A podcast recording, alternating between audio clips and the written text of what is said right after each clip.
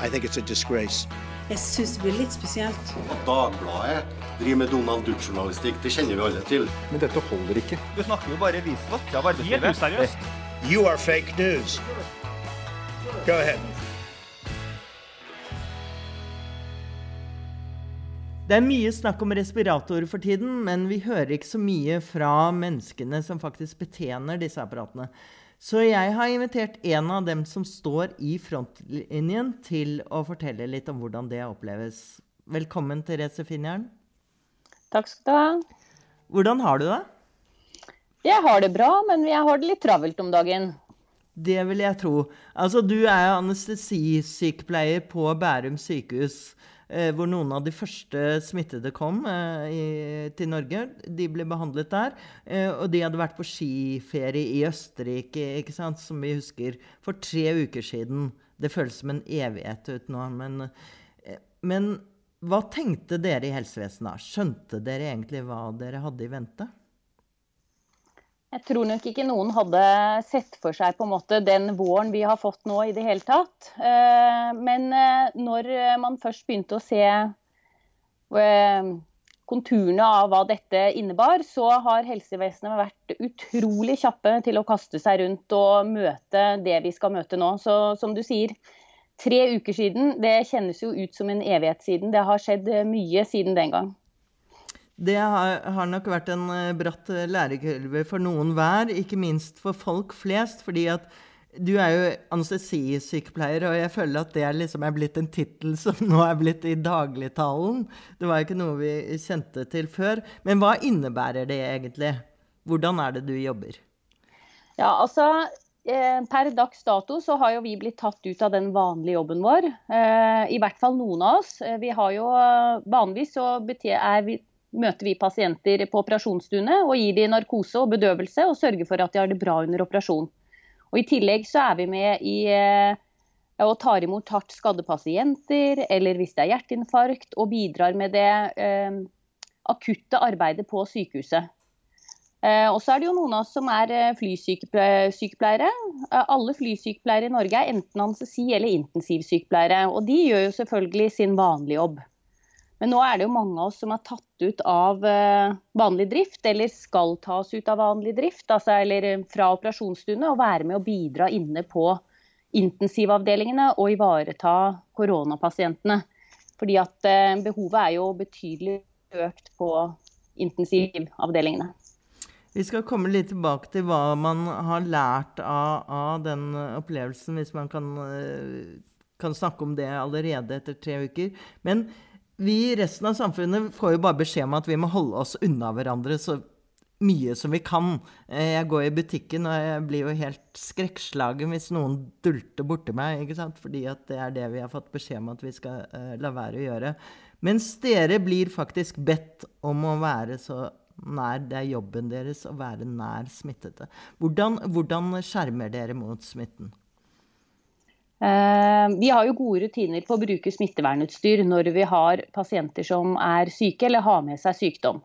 Det er jo viktig at vi ikke får med oss smitte, for hvis jeg blir smitta, så går jeg videre til andre syke pasienter og drar med meg det videre. Det, eller i denne situasjonen, hvis jeg blir syk og går ut blant mine kollegaer og smitter mine kollegaer igjen, så får vi et kjempeproblem. For da har vi jo ingen til å ta vare på de som er syke heller. Så selv om ikke vi blir kritisk syke, så er, jo, så er det jo manko på oss. Så vi må være forsiktige med å ikke smitte hverandre. Eh, og først og fremst så er jo det håndhygiene som er det aller, aller viktigste vi gjør. Og så er det det å holde avstand, sånn at man ikke får virussmitte. Så det gjør jo, jo vi inne i sykehusene på lik linje som eh, man gjør utenfor i butikker og ute i, i hverdagen. Ikke sant? Så dere er eh, vi, vi, ser jo dere i, eller helsepersonell generelt, i disse store draktene hvor det ser ut som sånne eh, litt sånn sci-fi eh, eh, skrekkfilm, eh, skrekkfilmbilde. Men du sier altså at det å vaske hendene er like viktig? Ja, håndvask er en av de aller viktigste tingene man gjør, i tillegg til det å passe på å ikke hoste og nyse på hverandre og, og spre eh, hvis man skulle ha virus. For det vet man jo ikke. Det kan jo ta et par dager fra man er smitta, eller man blir smitteførende, kan over, være syk uten at man vet det, et par dager før, eh, før man faktisk får symptomer. Så det gjør jo at eh, det å være forsiktig med hvordan man hoster og nyser, eller hvordan man Eh, hvordan man oppfører seg rundt hverandre, er enda viktigere nå enn det det vanligvis er.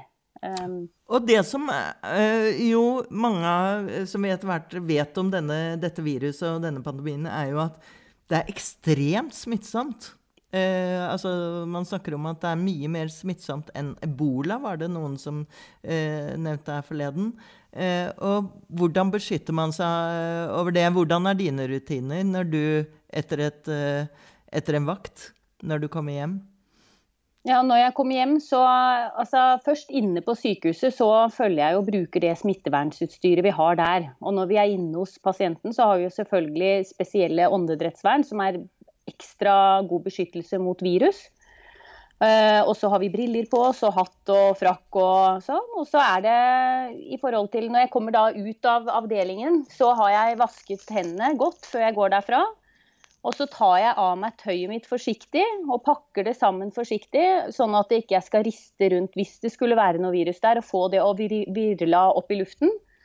Jeg er nøye med å ikke trekke klærne mine langs gulvet på sykehuset. Eh, og vasker og spriter hendene idet jeg er ferdig å, å være på jobb og går ut til egen privat bolig da, eller, og reiser hjem.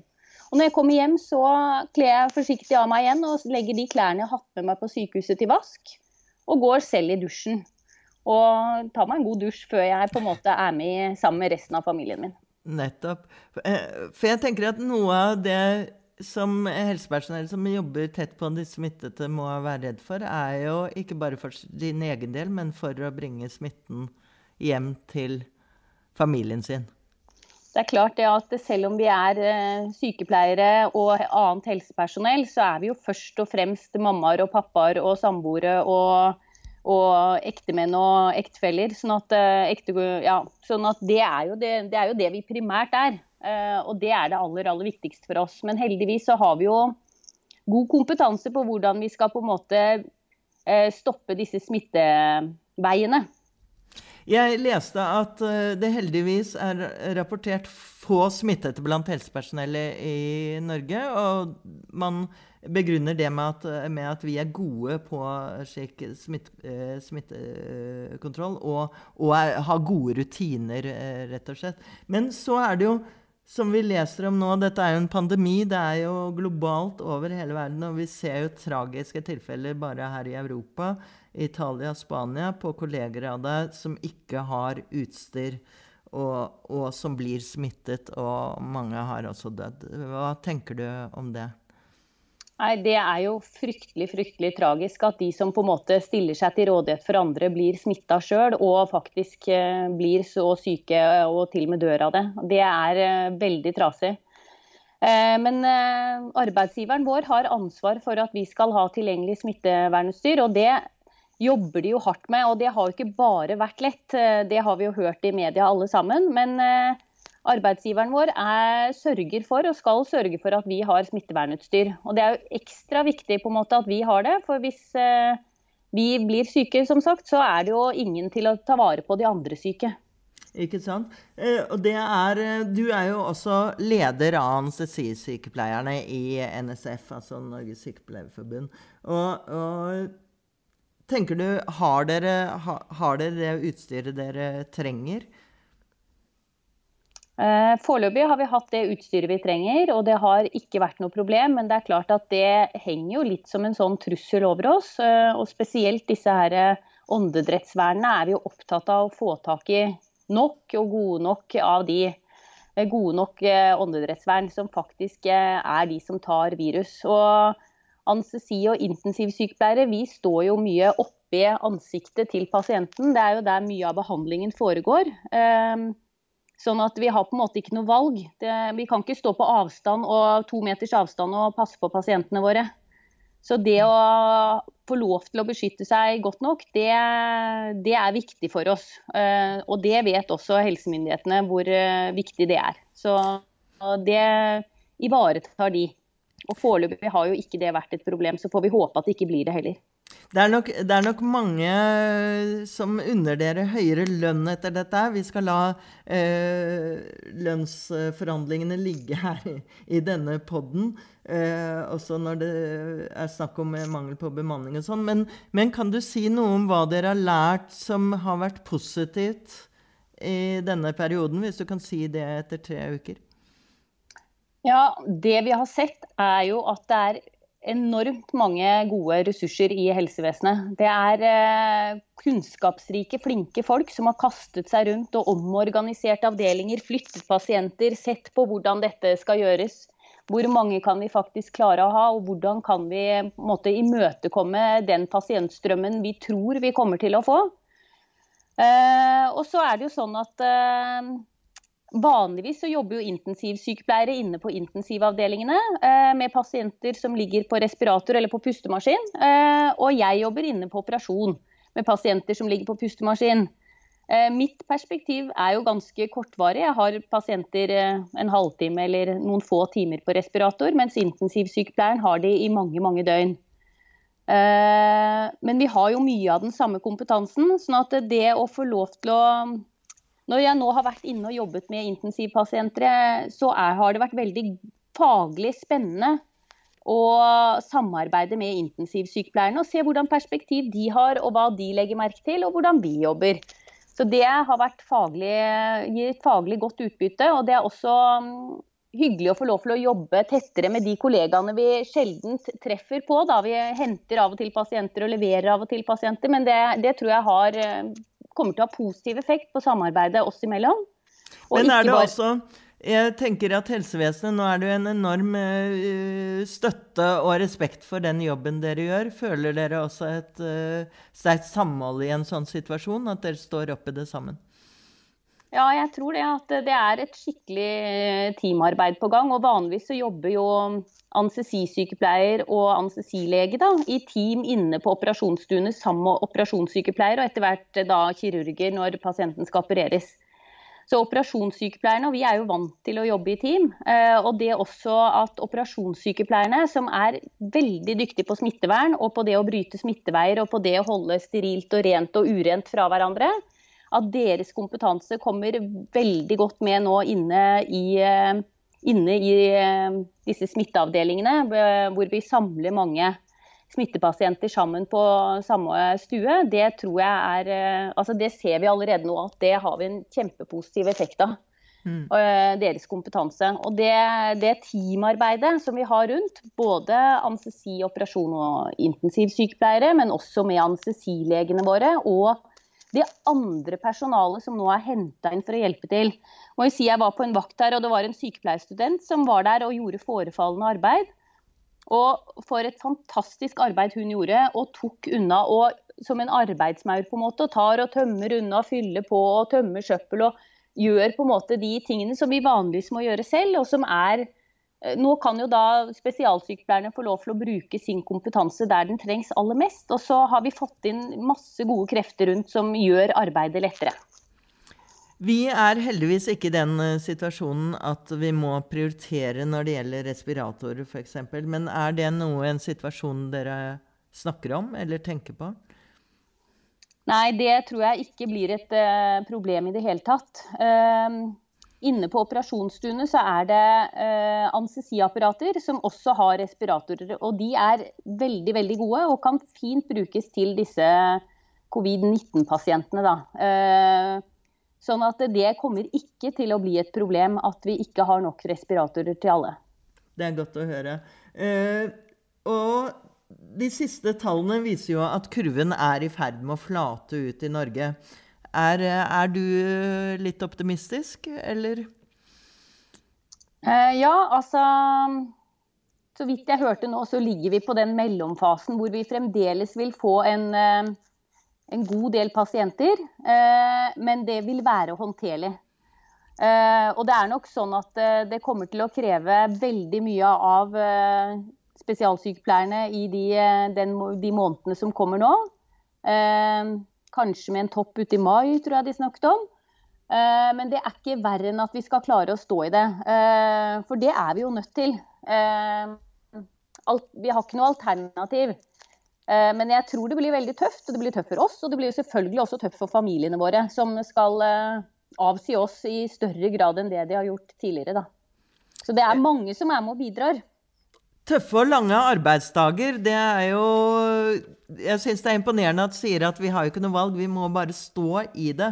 Men, eh, men kanskje hvis du har en, har en, bønn til de som nå går inn i påsken og, og, og er litt hyttefrustrert og hjemmekontorfrustrert og alt dette her Må ja. vi fortsette å vaske hendene?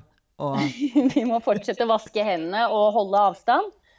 Uh, og så er det jo sånn at uh, Jeg kjenner jo godt på den der brakkesjuka. Jeg har jo noen barn hjemme jeg også som uh, begynner å kjenne at dette er veldig veldig tøft. Men det å bruke naturen og være ute og gå på tur, det er det ikke noe fare med i det hele tatt.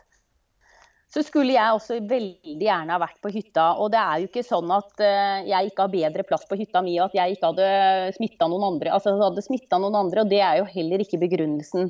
Det er jo rett og slett fordi at det trøkket på helsevesenet i Hytte-Norge, det har de ikke muligheten å ta imot. Så det må vi jo bare være lojale mot. Det er mange deler av helsetjenesten som skal være med her og bidra til at, eh, at vi får dette til. Og også primærhelsetjenesten gjør en fantastisk jobb nå. Altså det at de klarer å eh, stoppe smittespredninga blant de sykeste pasientene som er hjemmeboende, som de går til, det er jo både hjemmesykepleien og på sykehjem, det er jo helt essensielt. Og det du sier her, er jo det viktige og helt kjernen ved denne kampen mot uh, denne pandemien. At vi må gjøre dette sammen. Vi er alle sammen om å stanse det. Så uh, tusen takk, Therese, for at du tok deg tid til å, å fortelle om den viktige jobben du gjør. Og jeg vil virkelig si at det er en heltemodig innsats blant Eh, med deg og flere som eh, jobber nå i frontlinjen. Så la oss håpe for vår alles skyld at du får litt mindre å gjøre om kort tid. Takk, takk. Husk å holde avstand og vask hendene.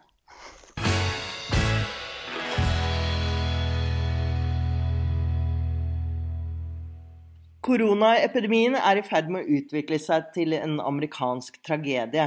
USA har gått forbi alle andre land når det gjelder antall smittede, og dødstallene stiger raskt for hver dag som går. Donald Trump selv anslår at dødstallene kan bli over 200 000, og han sier at de neste to, neste to ukene kommer til å bli very, very tough for amerikanerne. Men midt oppi dette så utspiller det seg også et politisk drama er nær sagt som vanlig. Eh, det står mellom Trump og mange guvernører som har tatt over eh, opposisjonsrollen fra det demokratiske primærvalget, som vi utrolig nok var opptatt eh, av for noen uker siden. Nå er Andrew Cuomo, Gavin Newsom og Gretchen Whitmer er mer kjent nesten enn presidentkandidatene. De demokratiske kandidatene. Men Hilde Restad, Min uh, USA-ekspert, go to guy når det gjelder Trump og USA. Du er førsteamanuensis ved Bjørknes høgskole, som mange vet. Uh, Donald Trump har uh, underlig nok aldri vært så populær som nå. Til tross for all vinkling, til tross for at han ventet litt lenge med å reagere, så virker det som velgerne støtter opp om ham.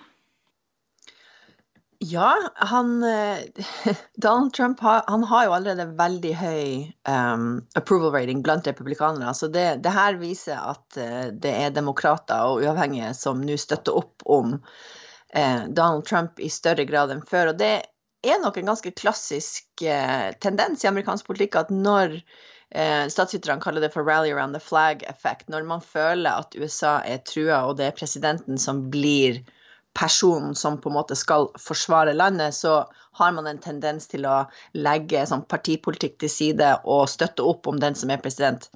Men så er det en eh, ofte, Det kan ofte være en ganske kortvarig effekt. Og du nevnte de her guvernørene, og Andrew Cuomo, som da er guvernør i New York, hans approval rating har gått fra 44% til 71 prosent, som eh, Nå er ikke jeg så god i matte, men det er vel 17 prosentpoeng eller noe sånt. Mens Trump har gått opp ca. 5 prosentpoeng. Så jeg tror Man snakker alltid om det her taket i meningsmålingene til Donald Trump, og jeg tror han er budt opp mot det her taket som han antageligvis ikke går så mye over. Fordi disse målingene som eh, viser at han har approval rating, som er veldig høy, eh, det betyr ikke nødvendigvis at folk stoler på han eller har tillit til ham, for det er en annen måling som viser at det ikke så mange har. Men i disse målingene så eh, viser de underliggende tallene at det er en endring og bevegelse blant uh, velgere som er rammet av korona. For det er jo tilfellet i dag når vi tar opp denne podden, uh, som er torsdag ettermiddag. Så har jo ikke koronaepidemien rammet hele USA på samme måte som den har gjort i California og New York f.eks. Nei, men så ser vi at nå går det ulike bølger i ulike delstater. Eh, nå skjer det ting i Georgia, og det skjer ting i Louisiana. Så etter hvert som det her rammer ulike deler av USA, så vil man kanskje se endringer i meningsmålinger. Men samtidig så vet vi jo fra erfaring at um, konservative velgere og dem som liker Donald Trump, de får sine nyheter fra andre nyhetskilder enn mange andre amerikanere. Men det er klart, nå får vi en interessant test da, om liksom et, et, fenomen ute i verden med faktiske konsekvenser som en, en, pandemi kan på en måte bryte gjennom den virkelige eller uvirkelighetsbobla som en ja, det, del det, det, på ytre høyre lever i. Det er vanskelig å gjemme seg for dette viruset, både, både når det gjelder antall dødstall og selvfølgelig påvirkning på økonomien. Men eh, Apropos det vi snakker om nå, Donald Trump liker nå å kalle seg en wartime president og war president. Hva, hva innebærer det? Det er ikke et, bare et begrep han har funnet opp, det er et eh, begrep som inneholder visse Ja, det er et begrep en eller annen eh, lur rådgiver har eh, gitt han. fordi det, det, begrepet betyr jo tradisjonelt at du er president når det er en, en militærkonflikt. Om det er Frank, you know, FDR i andre verdenskrig, eller om det er George W. Bush i, i den såkalte krigen mot terror, eh, så gir det både for Da håper man at man får den her rally around the flag-effekten blant folket, men så, og så håper man også at det skal gi da litt ekstra stature eller, eller uh, tillit fra folket. Uh, og respekt fra folket. Og Donald Trump er jo veldig opptatt av respekt. Denne krigen som, mellom, mellom da Trump og guvernørene handler om litt sånn Vi ser at Trump holder disse to timer lange pressekonferansene hver dag. Men det gjør jo guvernørene også etter hvert. Vi i Dagbladet driver og livesender nå Andrew Cuomos pressekonferanser. Så de begynner å konkurrere med, med Trump om oppmerksomheten. Og det, de konkurrerer også om sykehusutstyr, har det kommet frem etter hvert. Eh, som Andrew Cuomo eh, klaget på, at eh, de føderale myndighetene rett og slett overbød ham. Men denne knivingen mellom de føderale myndighetene og delstatene er jo ikke, ikke noe nytt. Nei, det er ikke det. Det er veldig uheldig selvfølgelig i en sånn her situasjon. For det er hele poenget med å ha 50 delstater og en føderalmakt, er jo at når det er krise, så skal føderalmakta kunne lede de 50 ulike delstatene. Og eh, ikke minst at man ikke får sånn her type problemer med å allokere ressurser, ikke sant.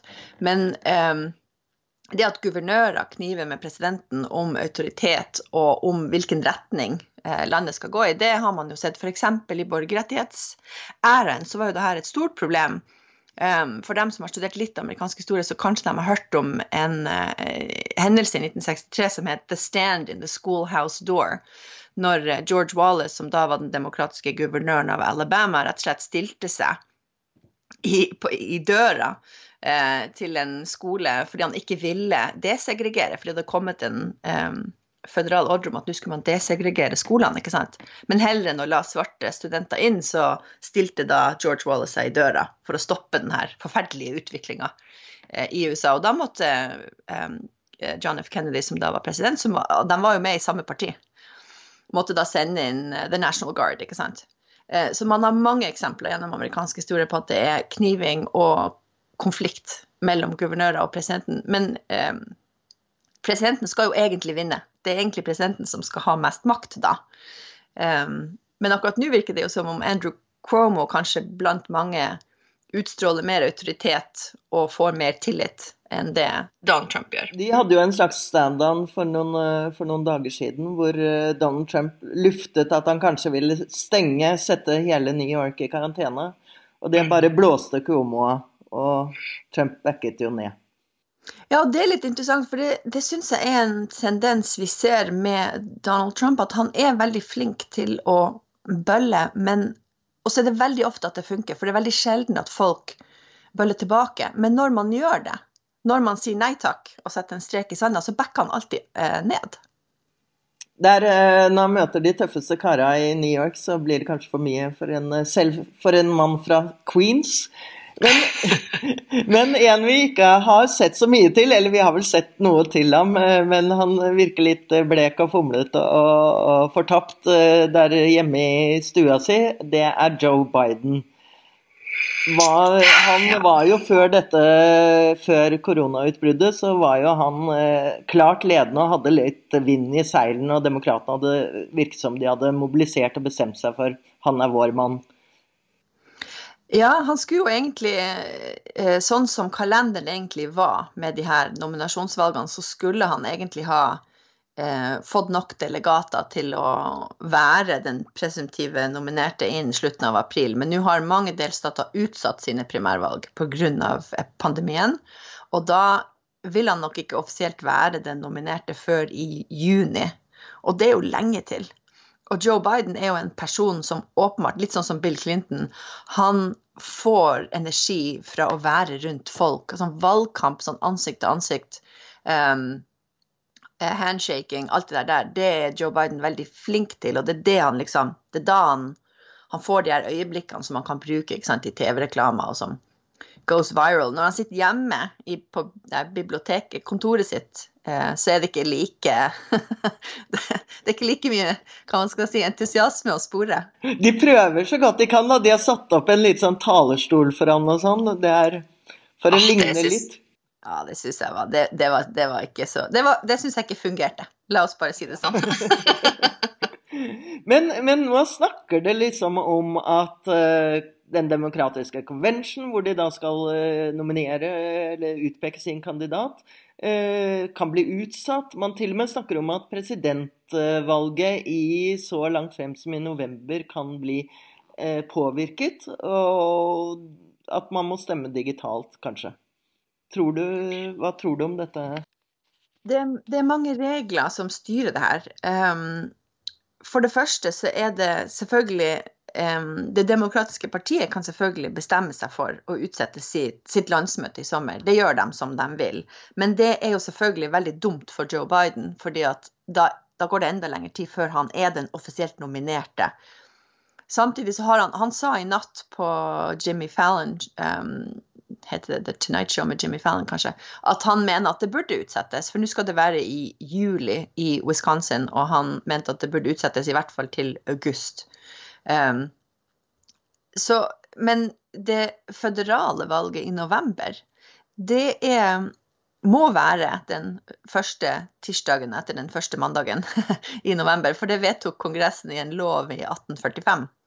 Så det er bare Kongressen som kan bestemme seg for å utsette valget. Og det, det tenker at det, det, det, ville være veldig rart om de gjorde det. Man har klart å avholde valg før i veldig vanskelige situasjoner. Det som er mer sannsynlig, og det en del demokratiske senatorer eh, argumenterer for, er jo bare at man må gjøre det lettere for folk å stemme via posten. At man kan sende inn valgseddelen i posten. At man ikke trenger å møte opp personlig. Um, og det er jo ikke så rart, for at de, de, eldre er jo veldig flinke til å stemme. Og eldre er gjerne dem som bemanner de her valglokalene, og det vil man jo gjerne unngå i denne situasjonen. Ikke sant. Det er mye som kommer til å være nytt når dette er over også. At det kommer en ny verden, eh, verden der fremme et sted.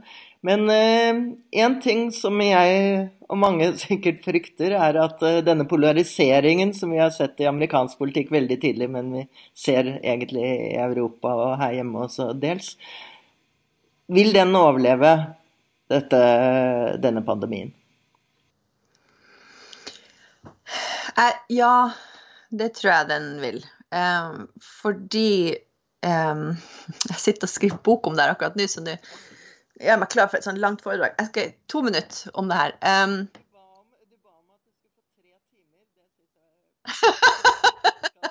Hva? Men um, det man har sett i USA, er jo en eh, asymmetrisk ideologisk polarisering, hvor det republikanske partiet har gått lenger til høyre enn det demokratiske partiet har gått til venstre. Og så var man jo litt usikker på kom det demokratiske partiet kanskje til å hoppe merkbart til venstre hvis man f.eks. nominerte Bernie Sanders. Men det ser, jo, det ser, de jo ikke ut til å ha gjort. Så man, den situasjonen man står i, er at man har ett parti som er delvis radikalisert, eh, det republikanske partiet, og et, det andre partiet som fortsatt er et relativt normalt politisk parti. Det er veldig vanskelig eh, å ha å ha den situasjonen i et system som er lagt opp til kompromisser. Eh, så jeg tror at selv om Donald Trump forsvinner eller ikke forsvinner, så vil man fortsatt ha en situasjon i Kongressen der tross alt all lov skal gjennom, eh, hvor det er ekstremt vanskelig for demokratene og republikanerne å samarbeide om noe som helst. Dessverre. Fordi at man har sett eh, Man viser jo i disse dager selvfølgelig til kriser tidligere, og det man har sett i hvert fall i Finanskrisen, som jo var i 2008-2009. Eh, ja, eh, USA fikk eh, Barack Obama, men de fikk jo også søren meg Tea Party. Og kanskje forløperen til Trump. Ja, og vi så i finanskrisen med en gang eh, Obama ble president, hvor vanskelig det ble med tverrpolitisk kompromiss for å eh, prøve å begrense skaden eh, av finanskrisa. Det var i hovedsak Det demokratiske partiet som, som stemte for de her lovene og, og, tiltakene til Obama-administrasjonen. Um, men igjen, fordi at de to partiene ikke er likt polarisert, um, så er det, det er ikke vanskelig å få Det demokratiske partiet med på sånne type kompromisser som trengs for å gjøre eh, viktige ting. Det er vanskelig å få Det republikanske partiet med. Um, så det, det, er et par Og så høres det Det her er en sånn det er dumt å snakke om det her i bare to minutter, for at når jeg sier det sånn, så høres det ut som ja, men jeg bare liker ikke republikanerne og demokratene, de snille. Men det er ikke det som er poenget. Poenget er at det er et parti som har gått veldig mye lenger til høyre og har eh, valgt inn vel, ganske radikale representanter i Kongressen. Og det andre partiet har ikke det enda. Og da har du en sånn asymmetrisk situasjon hvor det ene partiet stadig vekk nekter å inngå kompromisser som er nødvendig for mange ting, om det er finanskrise eller pandemi eller hva det nå skulle være. Og det tror jeg vi kommer til å se med eh, det her med valget i november, hvor demokratene er for at velgere kan få lov å sende inn valgseddelen i posten, og mange republikanere er imot. Som, som, som ikke gir mening, med mindre man forstår at jo flere som stemmer, og det her sa jo Donald Trump her om dagen, jo flere som stemmer, eh, jo mindre gagner det det republikanske partiet. Hilde, du får komme tilbake når uh, boken din kommer ut, og gjerne før òg. Jeg foreslår at vi tar disse tre timene litt sånn trinnvis over flere podkaster, sånn at lytterne har noe å, å glede seg til. Takk for at du kom. Tusen takk.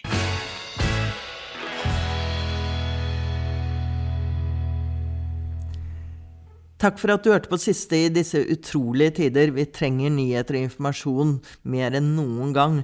Men vi trenger jo også å koble litt av, så prøv så godt dere kan på det i helgen. Og send en ekstra varm tanke til de som står i frontlinjen rundt om på sykehusene. De fortjener all mulig respekt og støtte. La oss tenke på det når dette er over. God helg.